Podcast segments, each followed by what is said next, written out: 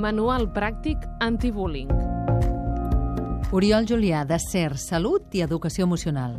I com viuen els companys d'una classe o d'un grup, com viuen aquesta situació? Una situació de violència, una situació d'assetjament.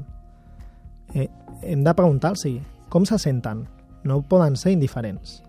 Davant de la situació s'han de posicionar i els hem d'ajudar a que es posicionin.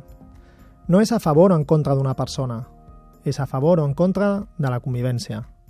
Estic a favor de la convivència, estic en contra de les agressions, posicionem la classe.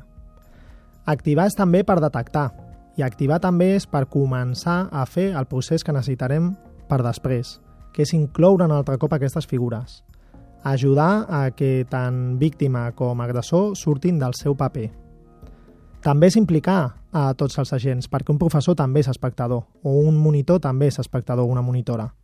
Per tant, hem d'aconseguir que ells també estiguin atents a la situació, que també aturin de seguida les agressions i que facin tothom des d'un llenguatge positiu i de benestar que es converteixin en actius per la convivència.